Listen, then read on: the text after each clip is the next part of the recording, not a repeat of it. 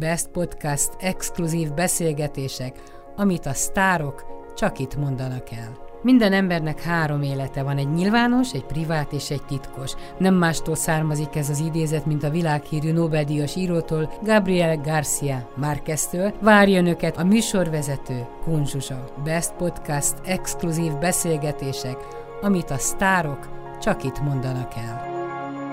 Krizsos Szilvia vendégem, és egy ifjú pályakezdő költőt köszöntök. Viccesen, meg nevetve, meg mosolyogva, meg komolyan is hallgattam, olvastam a versedet, ez a, hogy van, hogy 51 lettem, hol van még a 70, fejben De 40. hol van még a 70, ha fejben 40, bizony. Ugye, ugye, költőket csak pontosan szabad idézni. Hát ugye, hát ugye.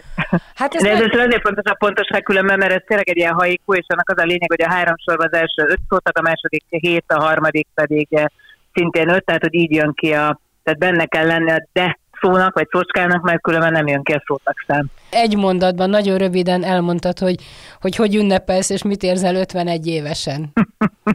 Hogy, hogy ez vagy? igen. Hogy vagy? Egyébként jól. Nagyon érdekes dolog, mert én régen mindig azt gondoltam, hogy Úristen, eh, én nekem, hogy mondjam, ambivalens a viszonyom a kor előre haladtával, és most egyre inkább azt érzem, hogy de nem. Tehát, hogy, hogy tényleg azt gondolom, hogy az most csak egy szám.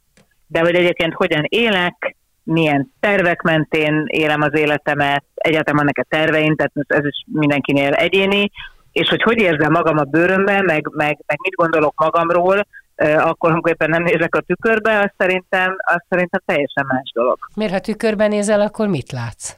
Hát nem 20 éves gondolom, az biztos. Hát, hát azért nem 20 éves nyilván. Figyelj, de egyébként nem is egy 51 éves tök Nem. érdekes dolog. Igen, Tehát, én is hogy, így láttam, igen. A 40 az jó. Na, na, hát akkor ebbe, ki, ebbe kiegyeztetők. Ez Vicces volt, mert amikor egyébként 40 lettem, az előző nap értelemszerűen még 39 éves voltam, és akkor mentünk a kislányommal valahova az autóban, ő akkor négy éves volt egyébként, és kérdezte, hogy anya, te hány éves vagy? Mondtam neki, hogy 39.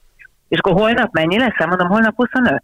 És akkor innentől kezdve mindenkinek ezt kell mondani, Rutuskám, és a gyerek a mai napig tartja ezt, hogyha megkérdezik, hogy neki hány éves az anyukája, akkor mindig mondja, hogy 25, egy kis huncut mosolyal a szemes sarkában, de aztán ezt azért cseréltem le, mert egyszer tényleg úgy föl, hogy egyből belenéztem a tükörbe, és mondtam, hogy na jó, akkor ez most már nem reális, tehát ezt én se állíthatom, és azóta azt mondom, hogy közelebb vagyok a 40-hez, mint a 30 volt. Hát ez így van. Veled kapcsolatban nem az jutott eszembe, és a koroddal kapcsolatban, hogy azért ennek a fél évszázadnak talán megvan az az előnye, hogy talán az ember egy olyan múltal a hátad mögött, mint ami van, hátra dőlhet, mert már szinte majdnem mindent elértél. Tehát a televízióban igen, a show műsorokkal igen, tehát eh, már nem egzisztenciális, meg karrier kérdése, hanem meg nem önmegvalósítás, hanem boldogság kérdése, hogy mit csinálsz a jövőben, szerintem. Ez érdekes dolog, mert azt gondolom, hogy azért a boldogsághoz, legalábbis az én fogalmaim szerint az önmegvalósítás azért hozzátartozik.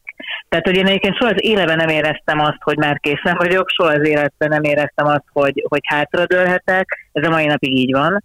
Soha nem éreztem azt, hogy úristen, én már hova jutottam el mondjuk a televíziózásban, vagy a showműsor készítésben, tehát ugye mindig inkább alulértek el a- mind a teljesítményemet, mind, a, mind az általam letett dolgokat az asztalra, de nyilván reálisan is lehet ezt nézni, de az én saját definíciómhoz mindenképpen hozzátartozik az önmegvalósítás. Tehát azt nem tudnám elképzelni, hogy semmi más ne töltse ki a napjaimat, mint a megfeszített munka. Más kérdés, hogy, hogy mondjuk most szeptembertől decemberig minden áldott nap tréninget tartottam, meg coachingokat, meg rendezvényeket, tehát mondjuk tényleg eléggé belecsaptam a, a lovak közé, de az nekem azért kell, hogy, hogy, hogy érezzem azt, hogy, hogy van értelme annak, hogy létezem, miközben a leges legfontosabb, hogy hála Isten olyan a családom, akikkel imádjuk egymást, és imádok velük időt tölteni, tehát hogy, hogy nekem az is nagyon rendben van, hogyha úgy zajlik egy néhány nap, hogy tényleg semmit nem kell csinálni, csak így egymás nézegetni és együtt lenni. Szoktam nézni a, ezt a futúr, ezt a jövő kis beszélgetésedet, meg magazinodat a,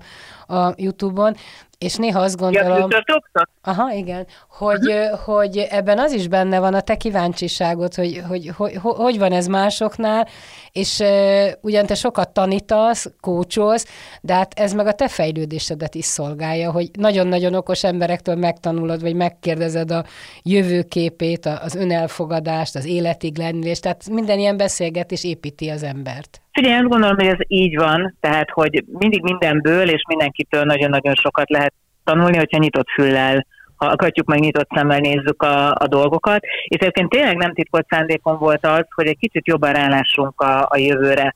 Mert az embernek már nem kell ilyen 10-20-25-30 éves feladatokban gondolkozni, mert szerintem azt sem nagyon tudjuk, hogy 5 év múlva mi történik. Most elég erre a pandémiára gondolni, csak erről most nem is beszélgessünk, mert akkor csak így hirtelen legörbül a, a szájam, de hogy olyan szintű technológiai változásnak vagyunk tanúi, hogy egész egyszerűen az, hogy mit fogunk tudni, meg hogy fogunk tudni teljesíteni 5 év múlva, 10 év múlva mindenki az adott munkahelyi környezetében, vagy, a, vagy az adott élethelyzetében, az szerintem tele van rengeteg és rengeteg kérdőjele, és én azt gondolom, hogy ezeket a kérdőjeleket érdemes lehet pontokká alakítani, és ezért próbálok olyan embereket behívni, akik azért a munkájukból, a, a, a területükből adódóan jobban rálátnak arra, hogy mire kell készülni. És egyébként mindenki azt mondja, hogy tényleg arra kell készülni, hogy mindig minden változni fog, folyamatosan meg kell újulni, és azok fognak tudni talpon maradni, akik erre képesek, meg akik ezt akarják. Mondjuk elég borzasztó ezt hallgatni, de tudom, hogy így van,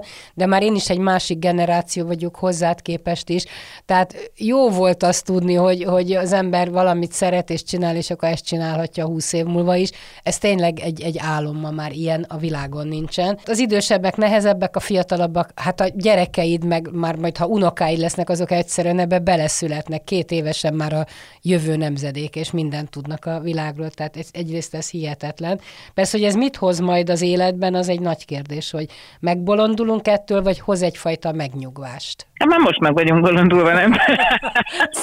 Igen, mondd ki te. Nem kell jövőt. Igen, mondd ki te. Ez így van, ez így van. Fontos volt-e az neked a nőiségedben, hogy eltartsd magad, hogy kereső ember legyél, vagy miután férhez mentél, azt mondtad, hogy jó, akkor hátradőlök, és van itt egy férfi, egy erős férfi, majd ő gondoskodik rólunk. Van itt egy erős férfi, aki egyébként gondoskodik is rólunk, de én az ő általa megkeresett pénzzel soha az életben nem kalkuláltam, szóval számomra az a pénz, amit én keresek meg. Ez azt gondolom, hogy nálunk egy ilyen családi vonal, tehát anyukám is mindig rettentő sokat dolgozott, és nagyon nagyba hozzájárult a családi büdzséhez, és a számomra teljesen természetes. Tehát, hogy én soha nem voltam a, a hátadőlő típus, el nem tudnám azt képzelni, hogy nekem mondjuk egy férj azt mondja, hogy édesem, akkor most már semmit nem kell csinálni, egy kicsit reszelgessed a körmödet, hogy jobban nézzen ki. Én nem ilyen típus vagyok. Tehát nyilván van egyfajta, hogy nem akarnék álszent menni, mert azért van egyfajta olyan biztonság, hogyha ne adj Isten, beütne valami krach, és most nem tudnék dolgozni, nem tudom meddig, akkor azért nem kéne attól félnem, hogy nem fogok tudni a gyerekem asztalára ételt tenni. De ugyanakkor meg, meg nagyon sokszor és nagyon sokáig az én hozzájárulásom a családi büdzséhez, ez egy nagyon fontos része volt a történetnek, a megélhetésünknek, és, és ebből adódóan én azt gondolom, hogy, hogy számomra ez egy fontos tudat is volt, hogy oké, okay, akkor, akkor nem az van, hogy, hogy, hogy én majd így boldogan várom, hogy mit hoz hónap végén a postás most idézőjelben, hanem hogy igenis az, hogy én mit teszek le az asztal, és az, hogy én mit hozok haza, az nagyon nagyban meghatározza azt, hogy mi hogyan tudunk élni. És nyilvánvaló, hogy azért nem titok, hogy a férjem nálam jóval, de jóval jobban keres, egészen más dimenziókban mozog, mint én, de mondom, a hétköznapi szinten én, én azt számolom, hogy én mit, mit hozok haza. És mondjuk, hogyha meg akarsz venni egy drágább csizmát, azt egyedül eldöntöd, vagy szereted megbeszélni a férjeddel, hogy áldozhatsz mondjuk egy nagyobb pénzt egy ilyen luxus csizmára? Hát én ezeket nem beszélgettem meg vele, egyébként azt mondaná, hogy hogy ne, tehát hogy így imád egyébként nekem ajándékot vásárolni, és, és, és egyáltalán nem zavarja, hogyha én túl költekezem magam ruhákra, különben nem annyira jellemző rá. Mondjuk a csizma az már szerintem abban az értelemben, egy csizma önmagában luxuscikknek számít attól, hogy bőrből készül, tehát hogy én nem vagyok ilyen márka hívő, és sose szoktam magamnak, nem tudom, és most nem is akarnám itt részletezni a különböző márkákat, tehát hogy én nekem annyi van, hogy legyen kényelmes és nézzen ki jól, de hogy ezt kigyártotta meg, milyen márkanév van rajta, az egyáltalán nem érdekel, úgyhogy ebben az értelemben nyilván, ha megveszek egy csizmát, akkor sajnos mélyebben kell nyúlnom a, a pénztárcámba, mert eleve marha drága a cipő, de so, ez, ez közöttünk egyébként ebben az értelemben soha nem volt kérdés. Tehát, hogy én, én azért közös, Közös kasszán vagytok? Mert biztos, hogy nem tudom, hogy biztos-e, de hogyha figyeled az ifjú házasokat, vagy párokat, ez most divat lett, főleg ahol vállalkozások is vannak, hogy mindenki a saját pénzével gazdálkodik, nem tudja kinek mennyi van a másik mm, számláján, és mondjuk ha utaznak, akkor megbeszélik, hogy akkor most ki a gáláns, hogy közösen fizetik, vagy valaki meghívja a másikat, de most ez úgy, úgy divattá vált. Nem, nálunk, nálunk az van, hogy minden közös.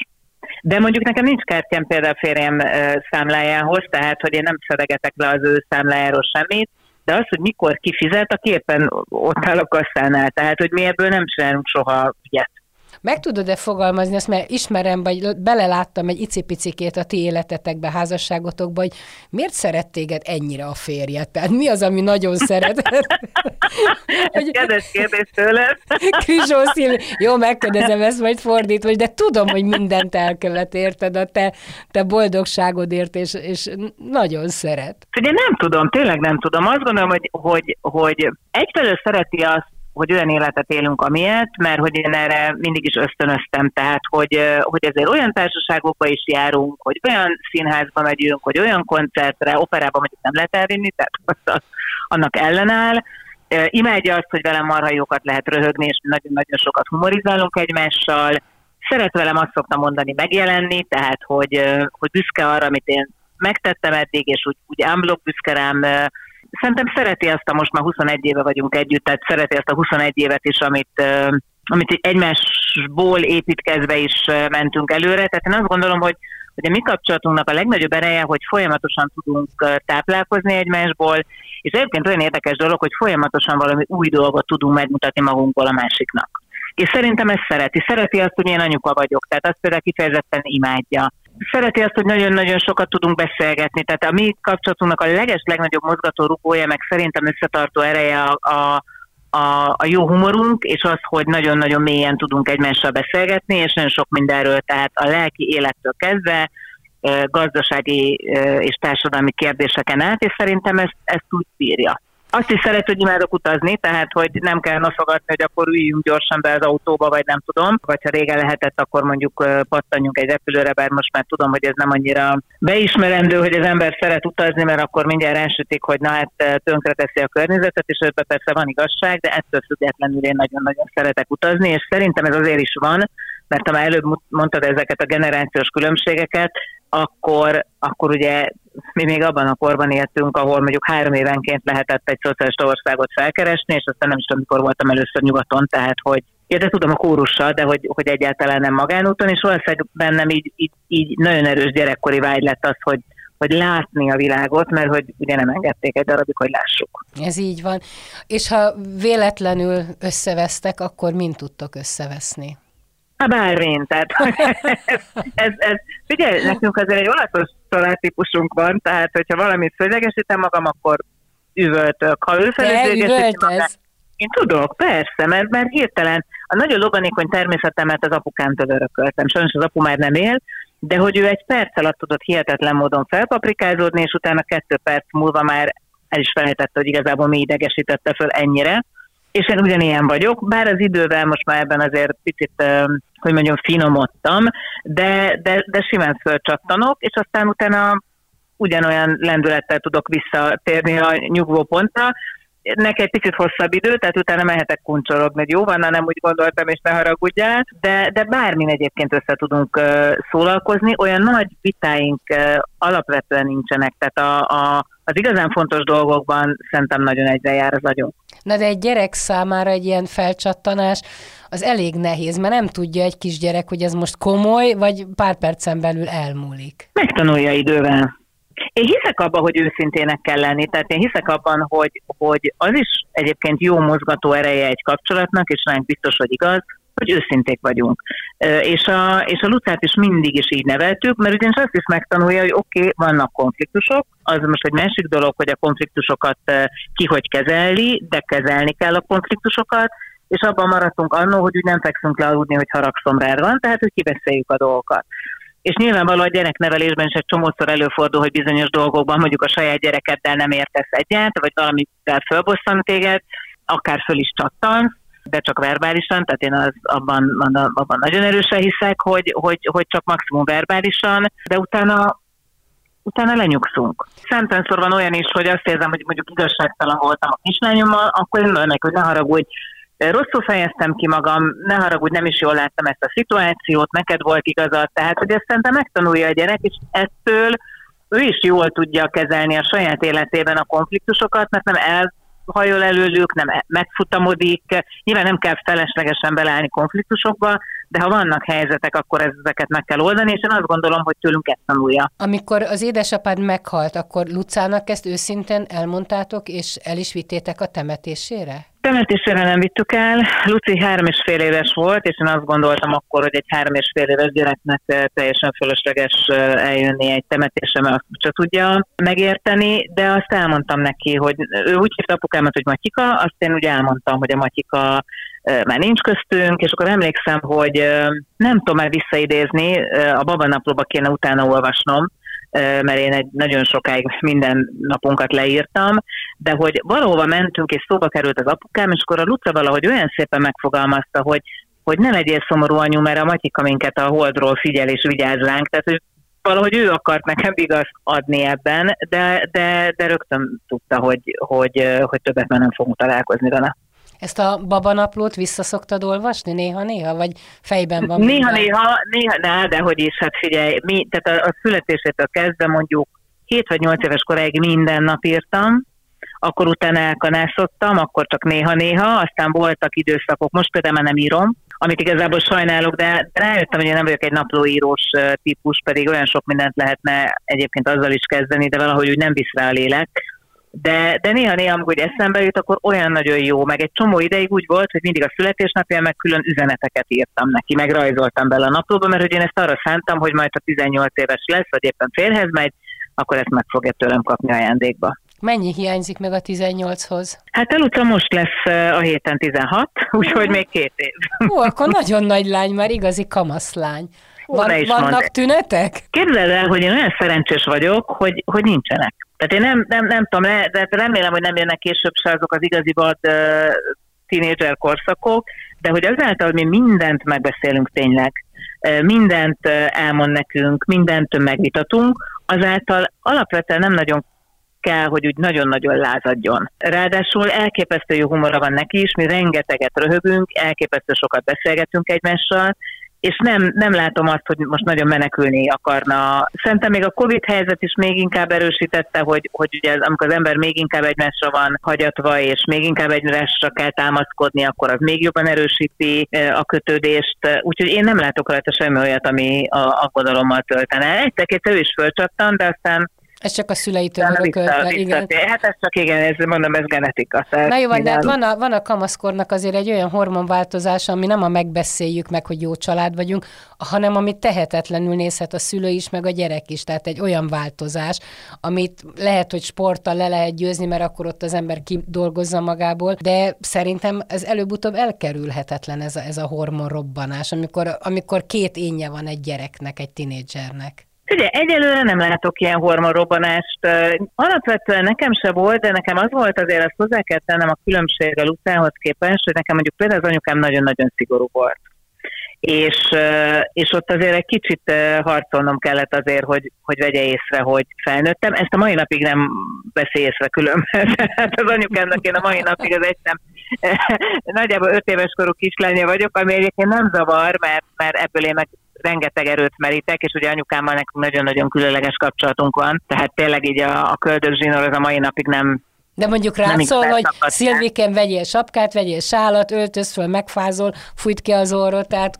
Hát ez, ez, így ezzel nem szól rendben, mondjuk, hogyha kicsit többet veszek a fogásából, mint amit ő gondol, akkor azért szól, hogy szerintem abban már nem kéne, tehát, hogy, de azért a sapkasálat már nem mondja. és akkor mit szól a te, te viszonylag liberálisabb nevelési elvethez? Hát elmondja mindig, hogy szerint ez, ez, ez, ez túl laza, de ugyanakkor meg ez se igaz, mert közben azért mi megkövetelünk dolgokat a, a Lucától, tehát azért vannak keretek, de azon belül azt gondolom, hogy nagyobb a mozgástere, és azt hiszem, hogy én azt csinálom máshogy az anyuhoz képest, hogy, hogy én nagyon sok mindenben kikérem a Luca véleményét, nagyon sokszor megindoklom, hogy én miről, miért gondolom azt, amit. Elmondom neki mindig, hogy figyelj, én elmondom a véleményemet, a véleményem az benne van a szóban is, hogy ez egy vélemény, neked nem kell teljes mértékben egyetérteni vele, meg se kell fogadni, de meghallgatni meg kell. És ezáltal, hogy, hogy az első perctől kezdve én felnőttként kezeltem a Lucát, nagyon sok dologban egyébként meglepően úgy dönt, ahogy én döntenék, úgyhogy, úgyhogy azt gondolom, hogy ezt így jól csináljuk. Neki nem kell kitalálni, hogy ő most akkor hova megy, miközben nem oda megy, amit látok azért egy-két helyen vagy hallok, mert mindent meg tudunk beszélni. Mit mondtál neki mondjuk a drogról, a cigarettáról, az alkoholról? Hát figyelj, a drogról meg a cigarettáról nagyon-nagyon esújtó véleményem van, tehát azt én elmondtam, hogy én azt azt, na azt például egy percig nem tudom akceptálni, tehát hogy az, a, a, a cigivel nem tudok mit kezdeni, szerencsére őt ez egyáltalán nem vonza, a drog se vonza. Az alkohollal azért már így, így ismerkedik, tehát hogy, és még tulajdonképpen egész későn ismerkedik itt 16 évesen, mert ugye egy-egy buliba már, már nem rostos üdítőt kell vinni a gyerekeknek, de például erről is tök el tudtunk beszélgetni, hát ebben mondjuk az apukája, hogy mondjam, tapasztaltabb, mint én az alkoholfogyasztásban, úgyhogy abban inkább az ő véleménye a, a mérvadó, mert én alapvetően nagyon keveset iszom, tehát hogy én, és én, én nem is tudom hány éves koromig egyáltalán nem ittam. Tehát hogy nekem például ahhoz, hogy jól érezzem magam, hogy egy buliban én legyek a legnagyobb táncos és a legtovább fennmaradó, ahhoz nekem egy kortya alkoholra. Drágám, te magadtól is jól érzed magad, nem kell neked Azért sem. mondom, tehát, hogy ezért mondom, és ezért nagyon nehéz, nehéz számomra elképzelni, hogy másnál ez nem így van. Mm. Ebből adódóan én, én simán mondanám azt, hogy nem kell iszogatni semmit se, tehát azért a szememet nem csukom be, és látom a, a környezetünket, azt is látom, hogy egyébként mi ebben az értelemben is szerencsések vagyunk, mert azért hallunk egy-két sztorit ismerősöknél, hogy ott mik történnek bulikon, hány éves korban isznak már úgy a lányok, fiúk, hogy ez a számomra elfogadhatatlan. Máshol azért ott jelen van már a fűves cigi, meg a nem tudom micsoda, én ezt az első perctől kezdve valahogy így nagyon megpróbáltam rém történeteket mesélni, hogy hát azzal tudok hatni, de nem is nagyon kell rém történetet, mert legalább, legalábbis úgy látom, hogy a lutát ez egyáltalán nem vonza. És mi lesz belőle, mit mond? Azért 16 évesen már csak megfordul a fejébe, fejében, hogy hogyan tovább.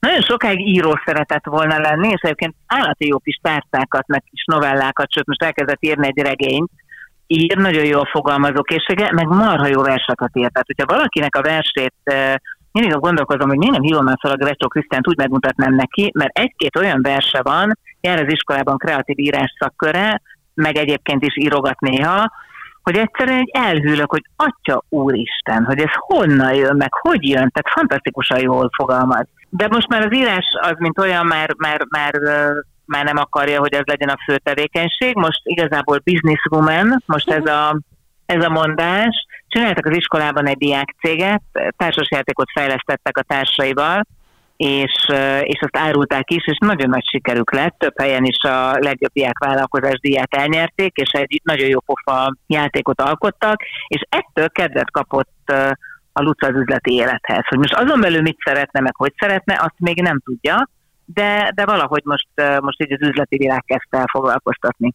Neked van egy erős szociális érzékenységed, azt én jól sejtem, hogy azért nyitott szemmel jársz a világban, és látod, hogy, hogy itt az üzleti világon túl azért itt van egy nagy mély szegénység is. Hát abszolút, abszolút, ez nem is kérdés. Egyébként ez például nálunk, ez is ilyen, ha nem is napi, de, de nagyon sűrűn napi renden levő téma, amiről beszélgetünk. És mire juttok ezzel? Tehát, hogy hogy tud az ember segíteni, mert ez mindig a nagy kérdés, mert az, hogy egy-egy hajléktalannak odaadsz valamennyi pénzt, ez, ez egy csepp a tengerben, de hogy mire jutottatok, hogy merre kell elindulni? Ugye azért a gyerekkel nem szoktam azért a, hogy mondjam, a 21. századi legnagyobb problémákat uh, megváltani, mert arra nekem sincsen igazán rálátásom. Amit én neki meg tudok mutatni, az az, hogy én nagyon sokat jótékonykodok. Tehát én nagyon sok uh, cégnek utalok uh, nagyon rendszeresen, nagyon sokszor uh, megyek oda és dolgozom ingyen kvázi, hogy támogassak ügyeket, de az, hogy hogy lehet jól megoldani, egyáltalán meg lehet-e oldani, nyilván a mély szegénység felszámolását azt, azt, azt nagyon nehéz, és ebbe igazából világszerte mindenkinek beletört a bicskája, de azt legalább, hogy, hogy támogatnunk kell azokat, akik nehezebb körülmények között vannak, hogy nem olyan egyértelmű mindenki számára, hogy milyen iskolába fog tudni járni, hogy egyáltalán fog-e tudni érettségizni, vagy utána gondolkozhat-e abban, hogy ő majd egyetemre menne. Ezeket szerintem érdemes átbeszélni, és ezt mi tesszük is, és egyébként a Lucának is van egy nagyon fejlett szociális érzékenysége, meg egy hatalmas empátiája. De ezen túl azért, hogy mi lenne a megoldás, hát azt gondolom, hogy ezt, ezt igazából a szociológusok se tudják, de én meg biztos nem. Az ő osztályában vannak gazdagabbak, szegényebbek, tehát ott a, a, a, az ország, a világ társadalmi különbségei jelen vannak, vagy kiemelt iskolába jár? Figyelj, szerintem uh, kiemelt iskolába jár, de a gyerekek között azért van, van különbség. Tehát a családi hátterek között azért uh, van uh, észrevehető különbség, de mondjuk uh, azért talán ebben az értelemben kiegyensúlyozottabbak a jövedelmi viszonyok. Tehát ő olyan gyerekkel biztos, hogy nem találkozik, aki mondjuk mély szegénységben élne, és uh, és nem tudom, a legelhagyatott a Borsodi faluból járna be az iskolába, tehát hogy ilyennel azért nem találkozik. Na visszatérve a beszélgetésünk elejére meg a versedre, Szoktál azon gondolkodni, hogy hogy látod magad mondjuk 70 évesen? Vagy hogyha mondjuk ránézel az édesanyádra, akkor el tudod képzelni, hogy te mondjuk egy ilyesmi 70 éves nő legyél? Hát nagyon remélem, hogy ilyesmi leszek, tehát hogy ebben nagyon bizakodok. Megpróbálok ezt egyébként mindent megtenni, tehát most jó, hát karácsony környékén azért többször rá kellett, rám kellett szólni anyukámnak, hogy ne egyek annyi fogányszert, tehát hogy nyilván, de, de azért megpróbálok arra odafigyelni, hogy, hogy mit teszem, meg mennyit teszem, rengeteget sportolok, én magamat úgy látom, hogy tevékeny leszek, tehát anyukám is dolgozik a mai napig, és én is azt gondolom, hogy, hogy én nem, nem fogok itt idézőjelben sem, meg semmilyen értelemben nyugdíjba menni, hanem mindig ki fogok magamnak találni valamit, amivel azt érezhetem, hogy hasznos tagja vagyok a világnak, és hogy, hogy tudok értéket teremteni, mert tényleg ez nekem nagyon fontos. És azt gondolom, hogy egyébként egy fiatalos valaki leszek mindig is, mert hogy erre nagyon-nagyon törekszem. De akkor ezek szerint hízásra hajlamos, vagy hogyha kezedre kell ütni a 20. pogácsánál? Hát figyelj, most hogyha valaki a, állandóan eszik, akkor nyilván hízik, anélkül, hogy hízásra hajlamos lenne, nem tudom, mert, mert én abban az értelemben nagyon fegyelmezett tudok lenni, hogyha eldöntöm, hogy na most innentől kezdve viszont visszafogom magamat, akkor, akkor én előttem ki lehet terítve minden, akkor én hozzám fog hozzányúlni. Tehát emlékszem, akkor volt olyan, hogy na jó, én most leszeretnék fogyni, csináltam egy két hónapos kúrát, és közben elmentünk egy egyhetes síelésre, egy nagy baráti körrel, Ugye én vittem a kis sékjeimet, és gyakorlatilag, amik a többiek mellettem ették a hatalmas vínes nicceleket, azzal a jó osztrák krumplisalátával, tudod, ami olyan isteni. Na, én meg ittam egy kis uh, séket, meg ittam egy nem tudom mennyi vizet, és simán tartottam, mert én eldöntöttem, hogy hogy akkor én most elérek valamit, úgyhogy... Na még egy búcsú kérdés, hogy amikor kócsnak tanultál, akkor nem volt a, a tanulmányai során olyan, amikor, amikor nagyon kemény önelemzés volt, személyiség, vizsgálat, hogy te milyen személyiség vagy, és milyen vagy valójában? És nem kell magadon úgymond dolgozni mindig? Önmagában szerintem mindig mindenkinek kell magán dolgozni, de hát eh, hogy ne, hát ugye ez egy éves iskola volt, gyakorlatilag 13-an voltunk a csoportban, nem volt olyan hétvége, hogy valaki ne zokogva távozzon a, a teremből egy-egy egy-egy feladat kapcsán, de hogy nem. A szembesülésnél volt olyan, aminél úgy felkaptad a fejed? Én azt gondolom, hogy nagyon jól ismerem magam nagyon régóta, és nagyon jól tudom, hogy a mozgató rugóim azok miért azok, amik, és azt is tudom, hogy, hogy mi az, amin érdemes lenne változtatni, de vagy nem foglalkozom vele, vagy még, vagy még tolom el magam előtt. De egyébként én azt gondolom, hogy ott akkor nekem egy nehezített terepem volt, mert nekem pont akkor halt meg apukám. Tehát ez a coaching iskola leges, legmélyebb részein történt, és azért azt, amikor egy gyász folyamatban is benne vagy, meg magaddal is dolgozol, meg a múltaddal, meg a jeleneddel, meg a, meg az alakítandó jövőddel, az azért egy nagyon furcsa kombináció, és azért ott, hát igen, ott igazából sok... Tehát, szóval ott, ott tehát, hogy nem, nem tudom teljesen reálisan nézni azt a folyamatot, ami akkor ott történt, mert én emlékszem egyszer, hogy Pirinszki verseket kellett mondani, és, és az egyiknél aztán tényleg ott az okogástól nem nagyon tudtam végigmondani, az, az, az akkor volt abban a hónapban, amikor az apu meghalt. Uh-huh. És nyilván az ember ilyenkor hát a fájdalommal szembesül, a hiányérzettel, az elmúlással, Óhatatlan szerintem, hogyha meghal egy nagyon közeli szeretted, akkor a saját elmúlást is valahogy jobban a felszére kerül, tehát hogy ezért ezeket is fel kellett ott dolgozni ebben a folyamatban, de ott aztán tényleg minden volt, szóval mindenkinek az életében vannak olyan dolgok, amiket cipel magával tudatosan vagy tudattalanul, és azok időről időre felszínre merészkednek, és akkor kell észnél lenni.